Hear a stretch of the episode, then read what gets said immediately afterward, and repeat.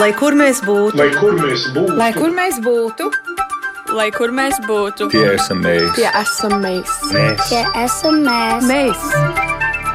Tas ir par mums. Tas ir par mums. tas ir par mums. Esiet sveicināti! Neizsīkstošs darbs, neatlaidība, patriotisms - tas ir tas, kas raksturo latviešu valodas mācīšanu bērniem diasporā, un bieži vien tas ir brīvprātīgs darbs. Nulle ir noskaidrojies, no labi, būšu godīga pirms divām nedēļām, bet man šķiet, ka tas ir nulle, bet nulle mēs lietosim vēlreiz šodien eh, mūsu raidījumā. Ir noskaidrojies, ka šogad finansējumu no Latvijas eh, saņems 43 diasporas skolas 20 valstīs, un te mēs runājam par पर Eiropu, par nedēļas nogalas latviešu skolām diasporā Eiropā, arī par pasauli mēs runāsim, jo tur savukārt šis konkurss noslēgsies šodien, un rezultātus vēl līdz galam mēs nezinām, bet nu, to tendenci mēs varēsim ieskicēt. Par nedēļas nogalas latviešu skolām diasporā arī par skolu līdzšinējo finansēšanas kārtību un arī iespējamo iespējamību mainīt pastāvošo sistēmu, arī par skolotāju atalgojumu un vecāku līdzfinansējumu, līdzmaksājumiem. Tas ir tas, par ko mēs runāsim šoreiz. Radījumā Globālais Latvijas 21. gadsimts, kur mēs esam aicinājuši šeit studijā Latviešu valodas aģentūras diasporas projektu koordinātori Ajo Tomeri. Sveicināti, Aija! Labdien! Šeit ir Eiropas Latviešu apvienības izglītības projektu vadītāja un Latvijas biroja pārstāve Aira Priedīte. Sveicināti, Aira! Labdien! Kristīne Valotka ir atbraukusi pie mums no Lielbritānijas, no Latviešu skolas.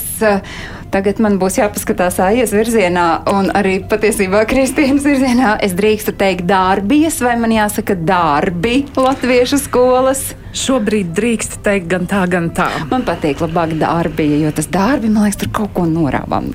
Bet eh, tad, no darbijas Latviešu skolas tās vadītāja ir Kristīna Volot, kas šeit studijā. O, sveicināti, Kristīne! Labdien! Un attālināti.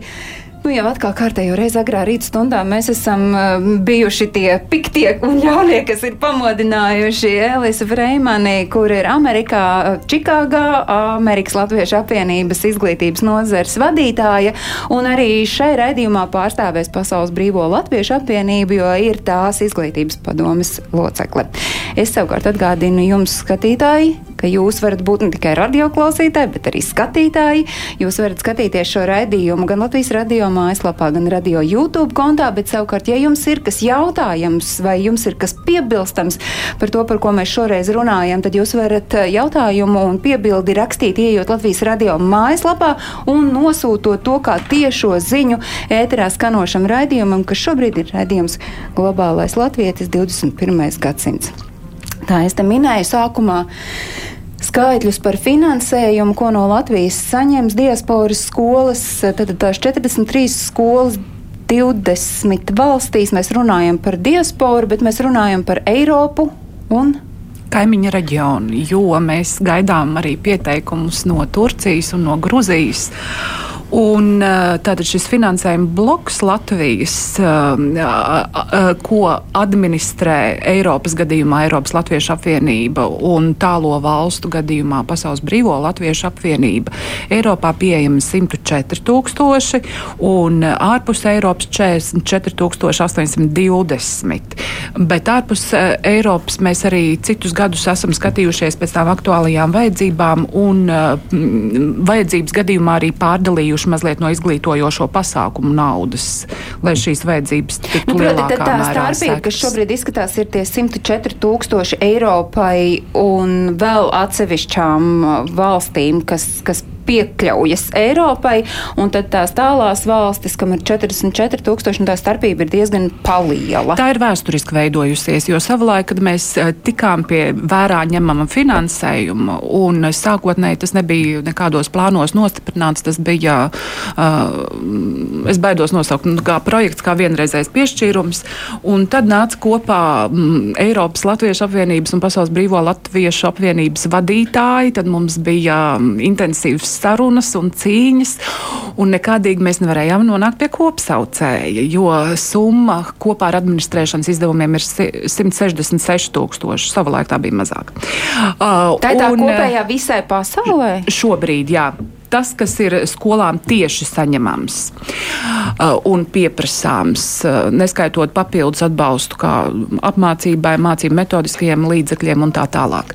Uh, un tad, tad mēs ņēmām vērā gan skolu skaitu, un vienā brīdī radās risinājums, ka šīs tālo valstu skolas, kas ir trimdas laikā dibinātas un finansiāli varbūt mazliet neatkarīgākas nekā Eiropas skolas, kurām nav savu telpu, nav draudžu namu, kam pieslēgties, un uh, kur būtiskākie izdevumi, ko ir grūti sekt no vecāku līdzmaksājumiem, ir telpu īre, kas noēda milzīgu daļu budžeta.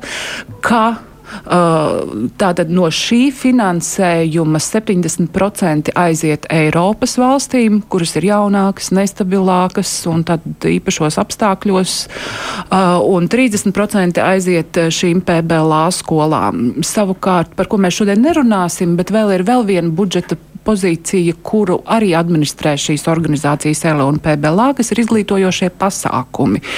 Tur savukārt izd lielāki izdevumi ir šīm tālajām valstīm, skolotāju semināru, konferenču rīkošanai, uh, tur tā šķē, budžeta šķēri ir pretēji 30% Eiropā un 70% PBLA valstīm.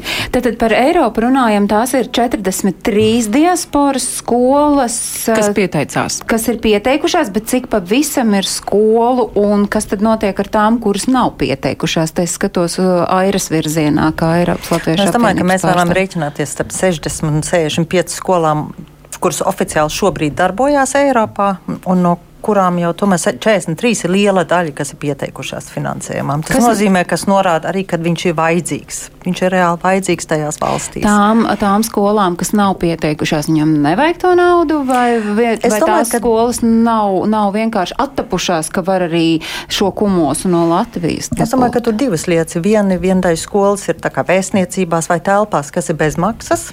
Un tā kā lielākā daļa no mūsu naudas aiziet atbalstot īres maksas, tad varbūt viņiem viņas nav vajadzīgas. un Tad viņi daļai var no vecāka līdzfinansējuma ļoti labi paši finansēties. Tā kā no tā viedokļa es domāju, ka noteikti ir viena daļa skolas, kuram vienkārši tas finansējums šobrīd nav vajadzīgs. Man būtu viena piebilde arī. Ir noteikti tādas skolas, kuras varbūt arī gribētu, bet viņas neatbilst nolikumam. Kāpēc? Kāpēc ir šīs minimālās prasības, kam ir jāatbilst? Piemēram, ka tev ir jābūt vismaz desmit skolēniem, lai tu varētu saņemt šo finansējumu. Tev ir jābūt latviešu valodas apguvēja programmā. Tu nevari tikai sanākt kopā un nosvinēt lieldienas un Ziemassvētkus. Uh, un šai programmai, mācību programmai, ir jābūt vismaz uh, divas reizes mēnesī. E, Ir daļa skolu, kas izvēlas tikties tikai vienu reizi mēnesī, kur mēs nevaram runāt par mērķiecīgu mācību procesu. Un tās skolas e, nu, tātad ir izvēlējušies darboties e, šādā formātā un nepiesakās finansējumam. Runājot par pasauli, tā tad šodien noslēdzas pieteikšanās šim finansējumam uh, skolām uh, Amerikā, Kanādā, Jaunzēlandē, Austrālijā, iespējams vēl kaut kur. Jā. Un cik tur to skolu? Nu, šogad jūs nezināt, bet, nu, ja mēs skatāmies, piemēram, kā bija citu gadu. Uh, Pagājušajā gadā finansējumam pieteicās un to saņēma 21 skola ārpus Eiropas. Un uh, pēc tam mums tagad sāksies intensīvs darbs PBLA izglītības padome, kur darbojas izglītības cilvēki no šīm atslēgu valstīm - Amerikas, Kanādas, Austrālijas, nāks kopā un lems, izvērtēs vajadzības, un tālāk tad arī ziņosim rezultātus aptuveni nedēļas laikā. Tātad aptuveni pēc nedēļas būs zināms, cik tad pasaulē ir uh, bijis vajadzīgs, bet uh, citus gadus, cik tad tās skolas ir bijušas pieteikušās, ir zināms Pagājušajā- pērn. cik- Jā, pagājušajā gadā finansējumu saņēma 21 skola. Jā. PBLA skola. Uh, Tā tad uh, finansējums ir nepieciešams kam, un lai mēs to saprastu, te jau tika ieskicēts, ka lielākoties tās ir telpas. Mums ir uh, paveicies, mums studijā ir viena skolas vadītāja, tātad Dārbijas latviešu skolas vadītāja Kristīna Volotka. Dārbija ir Lielbritānijā. Lielbritānija ir Eiropas kumosam, var nokost no tā. Nu, kā jūsu, cik liela ir jūsu skola, cik un kam jums aiziet tas finansējums? Kāds ir tas finansējuma modelis, uh, Kristīna, jūsu skolā, lai mēs saprastu, kā tā skola vispār spēja pastāvēt? Jā, sveiki vēlreiz. Um, maijā mēs svinēsim četru gadu jubileju. Uh, respektīvi, mēs sākām darboties īsi pirms Covid. Un ļoti veiksmīgi esam nodarbojušies arī visu Covid laiku. Un, uh, noteikti turpināsim attīstīties. Šobrīd skoliņā darbojas uh, kopā 45 bērni, bet, uh, manuprāt, uh, mēs esam nedaudz um, citāda formāta skola, jo um, būt par skoliņas vadītāju tas ir mans uh, vienīgais darbs, tas ir mans pamatdarbs. Un, uh, mums skoliņa notiek uh, gan uh, privātstundu formātā, respektīvi strādāju ar bērniem darba dienu vakaros, piedāvājot privātstundas latviešu valodā, matemātikā un klavieru spēlē. Savukārt nedēļas nogalē mums notiek grupu nodarbības, kur uh,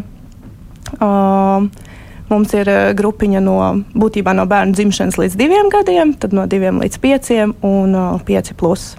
Un uh, to visu kopā summējot, mums ir tie 45 bērni. Uh, mūsu lielākā uh, atšķirība no citām skolām būtībā ir divas. Viena ir tā, ka mums um, telpas, tāda kā telpa ir, nav nepieciešama, jo skoliņa ir pie manas mājās. Tas uh, viss ir uh, pielāgots, aprīkots tā, lai tas būtu iespējams. Un otrs ir tas, ka uh, arī vecāku līdzfinansējums, uh, nu, tā vidēji statistiski skatoties, ir lielāks kā citās skolās, un līdz ar to mēs arī varam piedāvāt vairāk.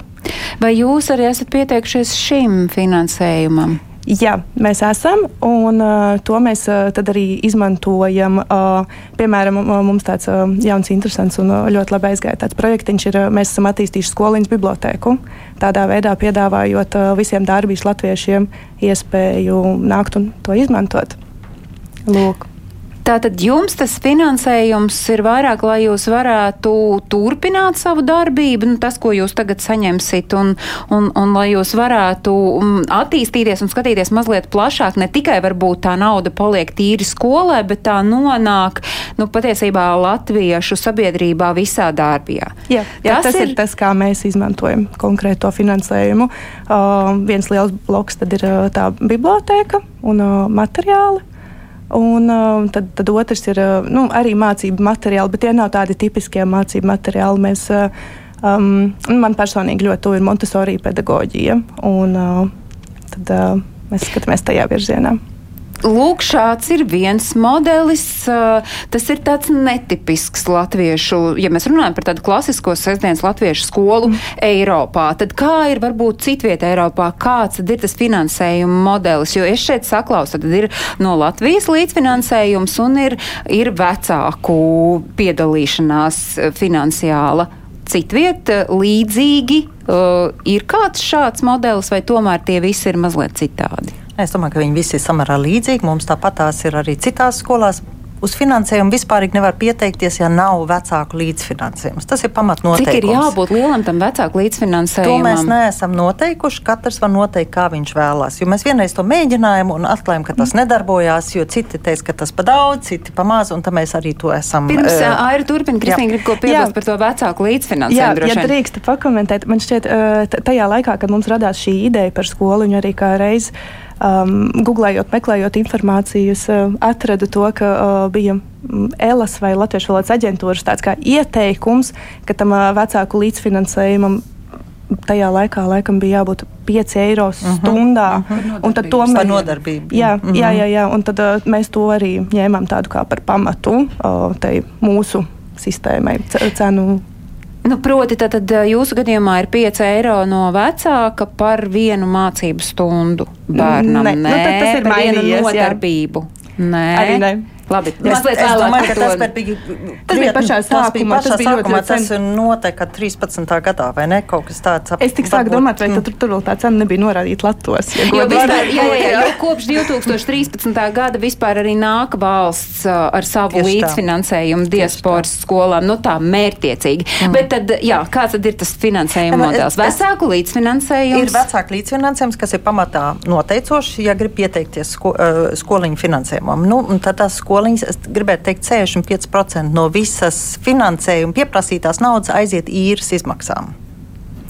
Tātad 65% Anglijā vajadzīgas apdrošināšanas, tās arī vēl nāk klāt. Apdrošināšanas kam? Uh, skoliņi, nu, sko, ja bērniem. kaut kas skolā bērniem kaut kas notikt, lai būtu apdrošināti. Tā ir obligāti. Jā. Un īstenībā nu, tur arī vairs nekas daudz nepaliek pāri. Ne? No tiem 104 tūkstošiem mums tad aiziet kaut kāds 65, 66 aiziet apmēram arī ir. Pirms gada es salīdzināju, Jā. tagad ir audzis par 10%, jo pagājušā Jā. gadā tie bija 50%, kas Jā. bija nepieciešama mm. telpu īrei un apdrošināšanai. Nu, tad tagad tas ir 60-65% mm. aiziet telpu īrei un apdrošināšanai. Un, teiksim, ja mēs redzam to vajadzību grozu, ko mēs varējām nosakt pirms pandēmijas laikā, pandēmijas laikā gan šo materiālu tehnisko nodrošinājumu, gan uh, skolotāju mazliet arī tālāk izglītību, kur viņi grib vai arī pieredzes apmaiņas braucienus vai skolēnu mācību ekskursijas, uh, vai arī skolu administrācijā mēs varējām mazliet palīdzēt ar grāmatvedības izdevumiem, tad šobrīd tam šogad vairs nesanāk naudiņas. Ir tikai pamat vajadzībām telpīrei, apdrošināšanai, uh, mācību, mācību metodiskajiem materiāliem, materiāliem un kancelējas izdevumiem. Mm, bet tad arī īstenībā mums arī apstājās viss, teiksim, līdz tam. Tas nozīmē, ja mēs runājam par kaut kādu mācību procesu attīstīšanu, tam īstenībā vairs nav. Tas nepietiek. šobrīd tas nozīmē, ka ir iestrēdzis, vai mm -hmm. tad arī gulsies uz vecāku pleciem, Jā. un vecākiem būs jāpaver maciņš plašāk. Mazliet par to, gan par to, cik vecāki ir gatavi vērt to maciņu vaļā, vai vēl mums ir jāsaprot, kāds tad ir tas skolu finansēšanas modelis, kā AIA lietoja tālajās zemēs, kāds tas ir Amerika, Kanāda, Austrālija, Jaunzēlanda, tāpēc iesaistīšu Elisu, kura pārstāv Pasaules Brīvo Latviešu apvienību un to izglītošanās jomu. Vai uh, visās ir stipri līdzīgi, vai tomēr Kanāda no Amerikas atšķiras, Amerika no Austrālijas un Jaunzēlandes atšķiras ar to, kādi ir tie latviešu skolu finansēšanas modeļi? Es teiktu, ka Amerikā un Kanādā ir ļoti līdzīgi modeļi, kur uh, skolu pamatā finansē vecāku skolas, maksātā skolas nauda. Un tad par tādām lietām kā skolas iekārtu vai uh, īpašām vajadzībām tur uh, organizācijas vietējā pilsētā ir, ir tās, kas atbalsta skolu kaut kādā veidā, palīdz nopirkt jaunus galdus vai krāslus vai kaut ko tam līdzīgu. Austrālijā ir, viņiem ir, ir iespējams dabūt mazliet naudīgs no savas pavalsts valdības. Uh, un viņi arī pakļaujas tās pavalsts noteikumiem, cik skolotājiem ir jābūt kaut kādām apmācībām un tā tālāk, bet viņi var dabūt drusku to. Ziemeļamerikā mēs pamatā finansējam visu paši. Nu, bet tagad piesakoties Pasaules Brīvo Latviešu apvienībai un, un, un tām skolām, kādas tad ir tās, kur tad aiziet tas finansējums, ko no Latvijas valsts saņem skolas? Skolu naudās izklausās ļoti līdzīgi. Uh, uh, skolas, kas nav, uh, teiksim, draudzes skolas, uh, tām ir īres maksas, uh, skolām ir apdrošināšanas maksas, uh, vai kaut kādas, kaut kādas papildus, teiksim, ir jāpie, jā, jāpiemaksā par elektrību kaut kādai mūsu um, organizācijai. Un dažas skolas, piemēram, Ņūdžersijas skola, īrē telpas no amerikāņiem, jo viņiem savas telpas nav. Tātad skolu naudas aiziet ļoti līdzīgi uh, par tiem pašiem mērķiem. Kādam varbūt uh, radīsies jautājums, nu, kā tas ir iespējams, ka tomēr ne visām skolām uh, lielākais kumos no tās naudas aiziet tieši īrei? Tad droši vien klausītājiem un skatītājiem prasīsies mazliet paskaidrojumu, ka tas ir tā vēsturiski izveidojies, ja reiz. Jā. Jā. Uh, tomēr mūsu, mums ir, ir savas ēkas. Es strādāju Čikāgas skolā, mums ir ēka. Bet tā ēka ir ir novecojusi, un kādam ir jāmaksā par elektrību un apkuri un jauno, jaunā jumta likšanu un, un saimnieku, kas palīdz mums tīrīt telpas. Tā kā jā, skolas maksā īres naudas, arī latviešu īpašumos, jo kaut kā mums tie īpašumi ir jāuztur. Par to vecāku līdzmaksājumu, kāds tas ir nu, vidēji, cik vecāki maksā, piemēram, Amerikā par latviešu skolu, cik maksā Kanādā, vai tas summas ir līdzīgas, un kur tad tas vecāku finansējums aiziet? Uh, es teiktu tā, ka uh, nedēļas nogales skolās vecāki maksā par kaut kādām 36 dienām, svētdienām. Uh, skolas maksa var būt starp 600 un 1000 dolāru gadā. Un kur tā nauda aiziet? Nu, visam tam, ko mēs nevaram citādāk sekt caur, caur ziedojumiem vai uh, Latvijas valdības līdzfinansējumu. Tas ir kopētājs mācību materiāli. Uh, es nezinu, manā klašu telpā ļoti noderētu jaunas žalūzijas. Uh, kaut, kaut, vis, ne, viss tas, kas ir, ir nepieciešams. Mums nevienam nav īpaši glaunas telpas, bet katrā telpā vajag kaut ko, lai bērni var mācīties.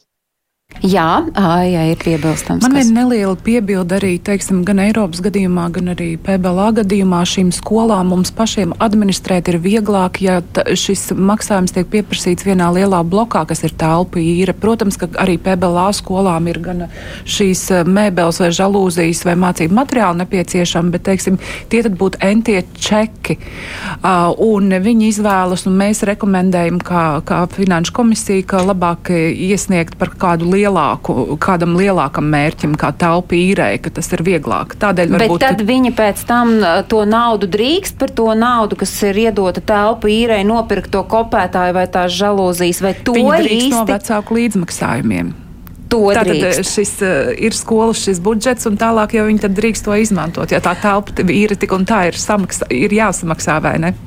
Bet, bet mēs esam arī tehniskos, te, tehnisko aprīkojumu finansējuši. Tā nav. Mm -hmm. Es domāju, Covid laikā, tā, kad, mm -hmm. piemēram, divi gadi bija tiešām no attālinātas tās mācības, nu, tad tā tad bija tas, nebija tik aktuāls jautājums. Tā, tad, saprotams, mums bija tas luksus aprīkot skolas ar kopētājiem, aprinteriem. Tad mēs to varējām atļauties. Bet, nu, jāsaka, ka tagad kopš pagājušajā gada un datoriem, jā, skaņu sistēmas skaņus, arī ir jā, populāri. Vai sintezatori vai kaut ko tam līdzīgu. Ārējie cietie diski. Jā, bet, nu, tādas bet... nianses, bez kā patiesībā tā skola nu, nevar īsti pat darboties. Jā. Uh, mēs dzirdējām, nu, tad 30 sestdienas uh, plus mīnus 600 līdz 1000 dolāru gadā. Tas ir uh, tas, ko maksā vecāki Amerikā. Nu, tāds vidējais Eiropas uh, vecāku līdzmaksājums. Mēs te pirmīt sākām kaut kādus 5 eiro turpu šurpu. Cik tas ir, no cik vecākiem ir jārēķinās? Es domāju, ka mēs neviens neesam līdz šim. Tas ir tā ir skolas brīvā izvēle. Viņi drīkst prasīt no saviem vecākiem, cik viņi vēlās. Un tur mēs arī īstenībā neesam nekad iejaukušies. Tas būtiskais, ka viņi pieprasa to finansējumu. Un mēs arī esam vienmēr aicinājuši ja, piemēram, vēlās skolotājiem kaut ko izmaksāt, vai, vai teiksim, kaut ko izmaksāt, ko mēs no skolas finansējuma nevaram atļauties, ja nevaram finansēt, ka viņiem tomēr ir jāprasa no vecākiem tas uh, līdzfinansējums tik liels, ka tad to var no tās naudas atlīdzināt. Kristīna, nu, cik tad ir jums jāmaksā skolā vecākiem līdzfinansējums? Es gribu vienkārši nu, saprast, par kādām summām ir tās runas. Um, mūsu skoliņā ir tā, ka tā mazuļa grupiņa, kas ir no 0 līdz 2, tā būs 7 mārciņas par nodarbību, nodarbību stunda. Un tā ir viena sestdiena. Vien, tad, tā, tā vispār būs viens ceturtdienas rīts. Uh mhm. -huh. Tur vecāki nāk kopā ar uh, saviem uh mhm. -huh. bebīšiem. uh, mazie Uh, tas būtu no 2 līdz 5. Uh -huh. uh, tās mums ir svētdienas, un uh, tur cena ir 10 mārciņas. Savukārt, uh, tā arī ir viena stunda. Un, savukārt, lielie, kas ir uh, sestdienās, trīs stundu nodarbība, uh, tās būs 20 mārciņas. Kāda, kāda ir tā? Mm, es gribu saprast to vecāku sajūtu. Uh, viņi mīļu prāt ir gatavi maksāt, piemēram, Lielbritānijā, uh, vai tomēr mēģina kaulēties un mēģina tad sekot ar pirkstu vilkt līdz, kur tā mana nauda samaksātā paliek. Mm, mums tādā ziņā viss ir kārtībā un ir ļoti liela interese. Un, teikšu godīgi, mūsu skoliņā ir arī uzgaidāmais saraksts. Es uh, varbūt gribētu komentēt, ka Kristīnas skola ir ļoti moderna ar visiem tiem materiāliem un aprīkojumu.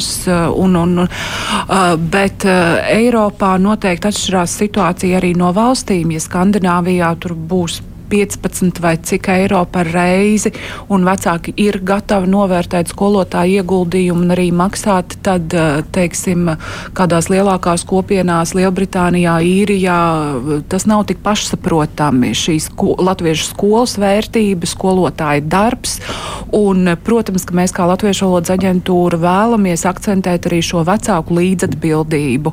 Uh, un, um, ja, uh, un tas ir skaidrs, ka visam nepietiek. Vecākam arī ir jābūt gatavam ieguldīt no savas puses š, nu, par šo kvalitatīvo neformālo izglītību, tāpat kā, piemēram, es par savu bērnu bērnu dārzā maksāju, vai ne par visiem interešu pulciņiem. Ka tam būtu jābūt pašsaprotam, bet, diemžēl, nevienmēr tas ir pašsaprotam, ka šīm attiecībām Latvijas valsts un arī diaspora ir jābūt divpusējām. Par to, ka nu, nevienmēr tas ir līdz galam saprotams, ka tas ir ļoti, iespējams, atkarīgs no tā, kādā pilsētā mēs par šo skolu runājam un arī patiesībā patiesībā jā, par to sadarbību Latvijai ar skolām un par to, kāda tad ir vecāka iesaist savā viedoklī dalās eh, Inese Asermane no Pīterboro. Labdien!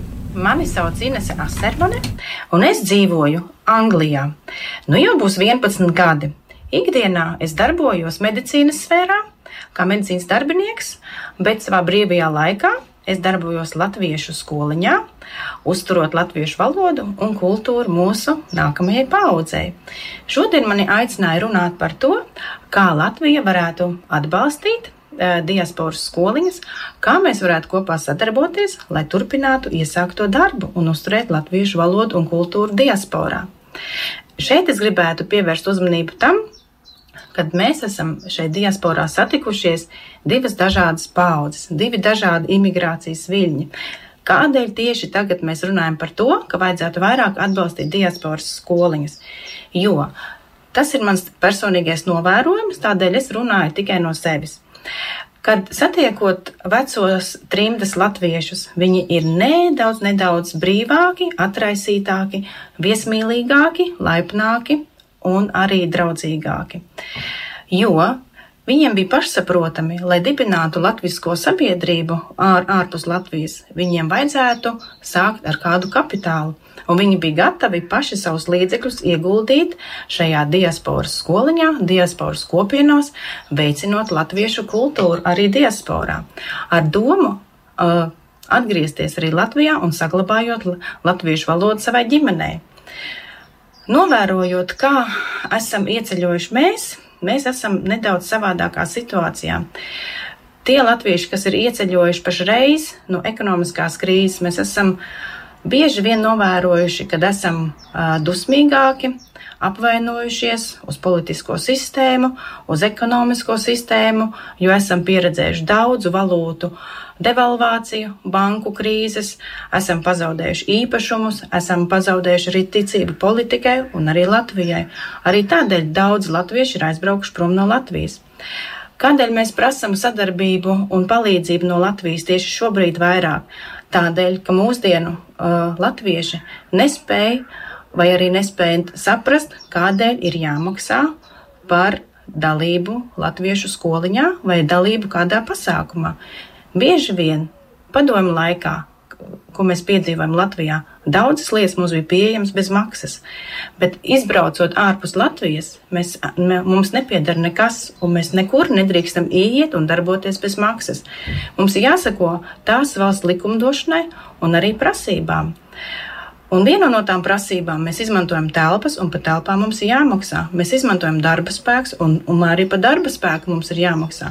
Mēs varam ilgi darboties kā brīvprātīgie, bet pēc pieredzes bieži vien seko izdegšana, jo mēs neredzam šo lielo motivāciju un atsauksmi no sabiedrības. Un sabiedrība esam mēs tie paši latvieši, kas esam šeit, Anglijā. Nu, lūk, tādēļ šī tēma ir tāda, kā Latvija varētu atbalstīt diasporu.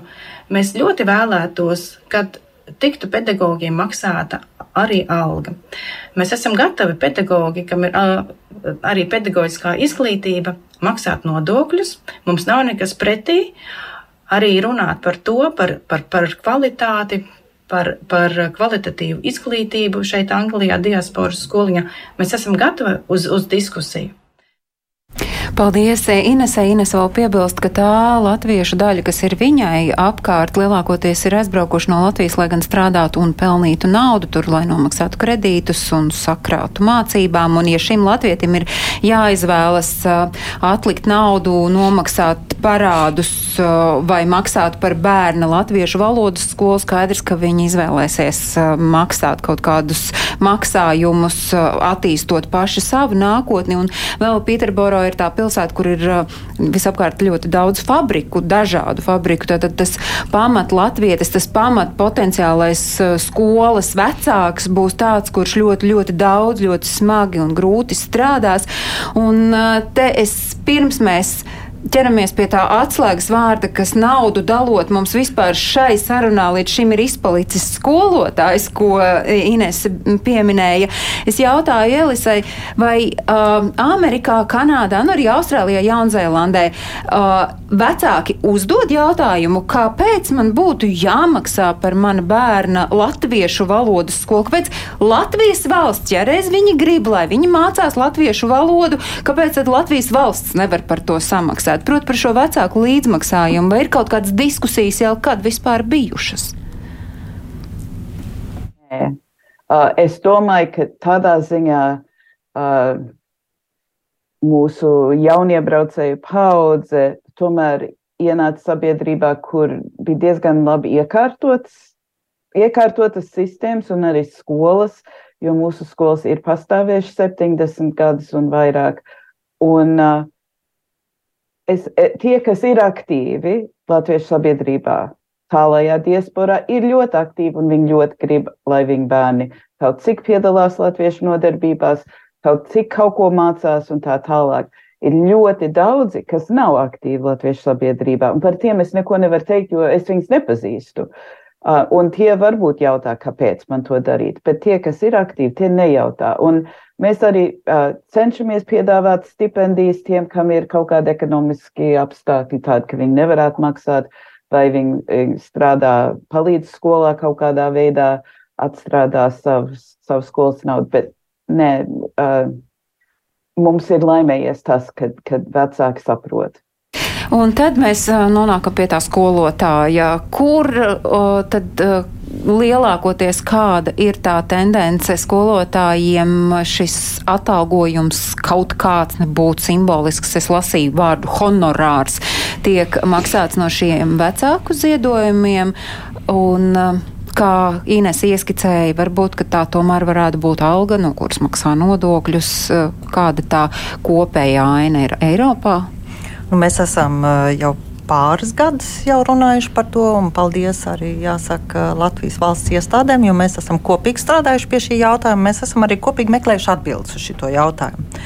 Un es domāju, ka šie gadi, tās diskusijas, mēs esam apsvēruši tiešām dažādus modeļus, kā varētu vispār kaut kas tāds izskatīties. Um, jāsaka, sāksim ar administratīvo slodzi.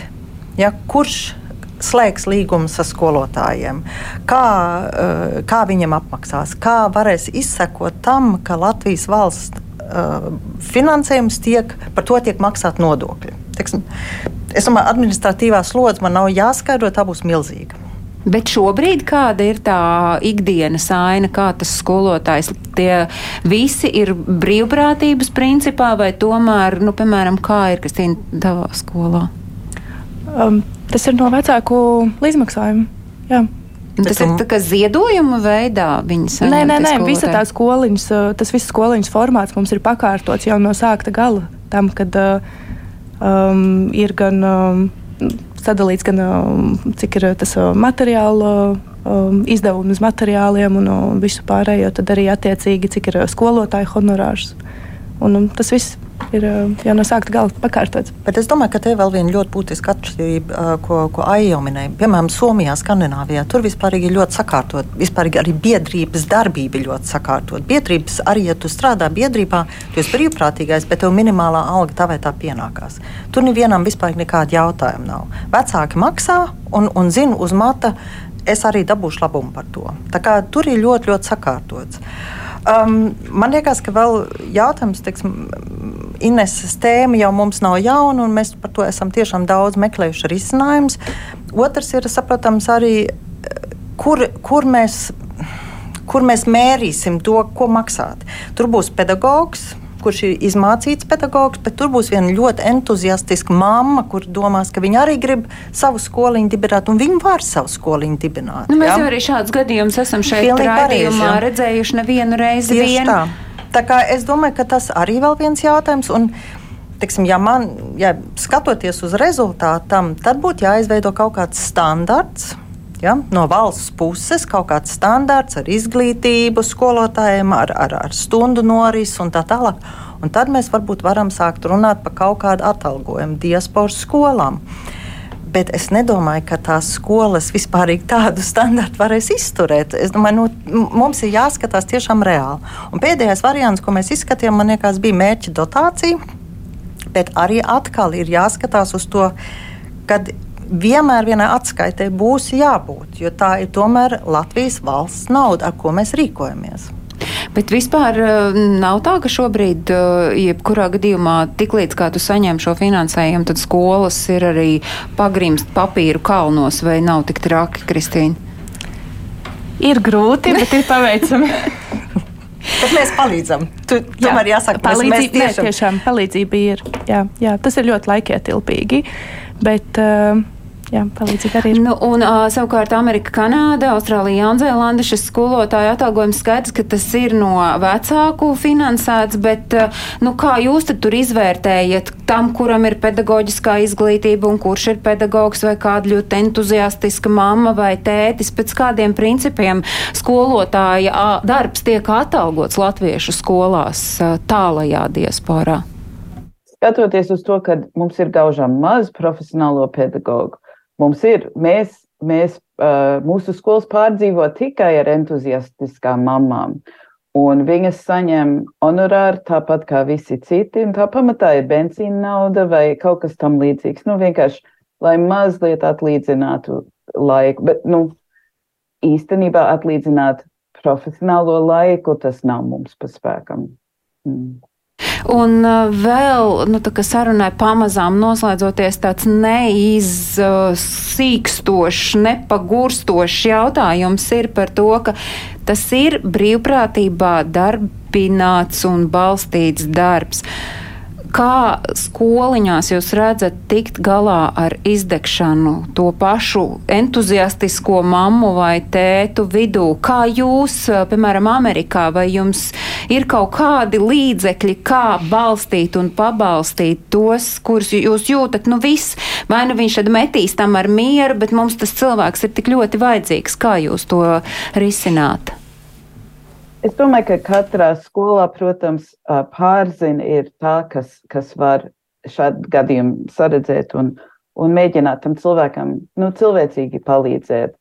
No Amerikas Latviešu apvienības puses viena laba lieta par pandēmiju ir bijis Zoom saites, ko mēs veidojam. Mēs gandrīz vai katru nedēļu notiek kaut kāda atbalsta grupa vai kaut kas tam līdzīgs, kur mēs cenšamies vai nu vienreiz, vienreiz mēnesī pārzins, vienreiz mēnesī skolotājs, kam iet, kas ir mammas, kam vajag kaut kādu atbalstu uh, vai projektu veidošanu.